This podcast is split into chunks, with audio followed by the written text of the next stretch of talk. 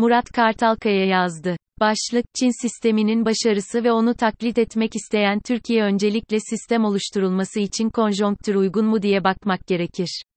Çin, in sisteminin oluşmasındaki etkenler sadece otoriter bir rejim ve kölelik seviyesindeki ucuz iş gücü değildi. Tarihsel konjüktür Çin yararına çalıştı. 1990 yılına kadar dünyada iki süper güç vardı. ABD SSCB. 1990 yılının sonlarına doğru SSCB dağılma işaretleri gösterdi ve 1991 yılında dağıldı. Dünyadaki tek süper güç ABD kalmıştı ve buna izin verilemezdi. 1993 yılında tek gücü dengelemek için AB kuruldu. Zamanla görüldü ki AB'nin varlığı dünyanın iki başlı olmasını sağlayamayacak. Üçüncü bir güç kurulması isteği belirmeye başladı. Dünya artık üç başlı olmalıydı. Ve 2001 yılında ABD'li bir yatırım bankasının ortaya atması ile BRIC'in temeli atıldı.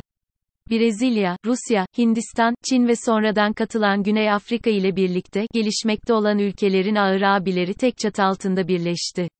Artık dünyanın üç süper gücü vardı. Ancak sonraki 20 yılda beklenmeyen bir şey oldu. Çin aradan sıyrılıp tek başına süper güç oldu. Böyle devam ederse en geç 20 yıl sonra dünyanın tek süper gücü haline gelecek.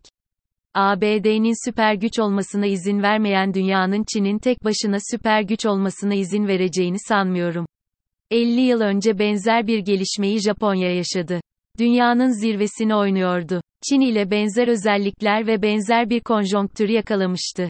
Bütün dünyada Japon çakma ürünleri peynir ekmek gibi satılıyordu. Hatta Türkiye'de şöyle bir deyiş türemişti, Japon malı, tapon malı, diye.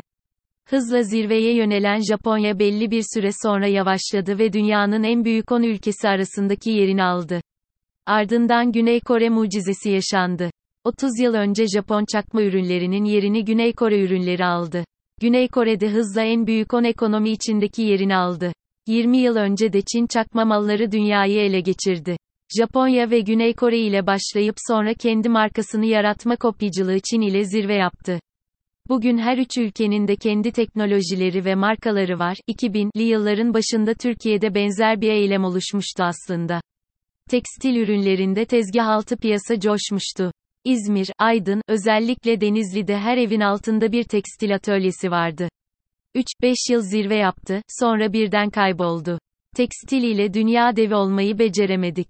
Uzak Asya ülkelerindeki teknoloji, yazılım kopyalama başarısı bence genetik kodlarından kaynaklanıyor.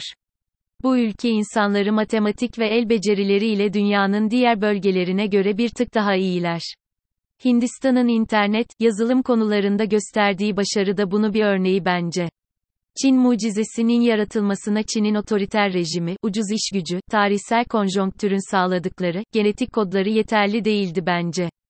Çin aynı zamanda sanayide ağırlıklı kullanılan çinko, kurşun, kalay elementleri rezervinde dünya lideri. Nadir bulunan toprak element, antimon ve S rezervlerinin %80 içinde bulunuyor.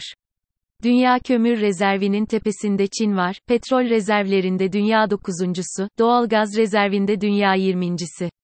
Adamların 3-4 ay kendi kendilerine yetecek enerjisi var. Türkiye Çin'in sahip olduğu özelliklerin ne kadarına sahip sizce?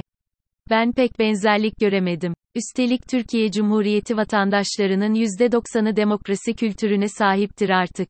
Bu saatten sonra komünist rejimi bu ülkeye monte etmek de oldukça güç olacaktır.